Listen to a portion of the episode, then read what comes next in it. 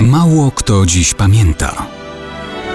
Datownik historyczny prezentuje Maciej Korkuć.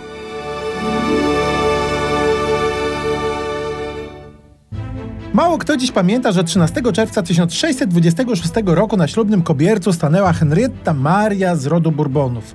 Jej mężem został Karol I Stuart, król Anglii i Szkocji. Wówczas niespełna 17-letnia córka króla Francji Henryka IV i Marii Medycejskiej dopiero co przybyła do obcego kraju. Można by pomyśleć, że wcześniej królewna, a później królowa miała bajkowy żywot od dziecka pełen przepychu, wolny od troski, kłopotów. Jednak i tym razem to nie byłoby prawdą. Owszem, był przepych i bogactwo, ale też były inne problemy. Miała zaledwie pół roku, kiedy jej ojciec został zamordowany przez zamachowca na ulicach Paryża.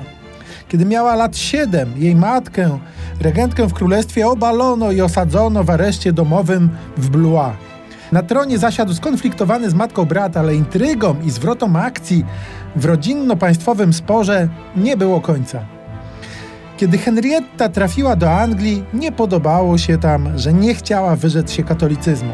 Z mężem, Karolem Stuartem, układało się różnie. Najpierw bardzo słabo, później zdecydowanie lepiej. Ale co z tego, jak skonfliktowany z parlamentem Karol został obalony, uwięziony i w 1649 roku ścięty jako, cytuję, tyran, zdrajca i wróg ludu. Królowa Henrietta Maria przetrwała ten czas w Paryżu. Po restauracji monarchii wróciła do Anglii, na chwilę tylko.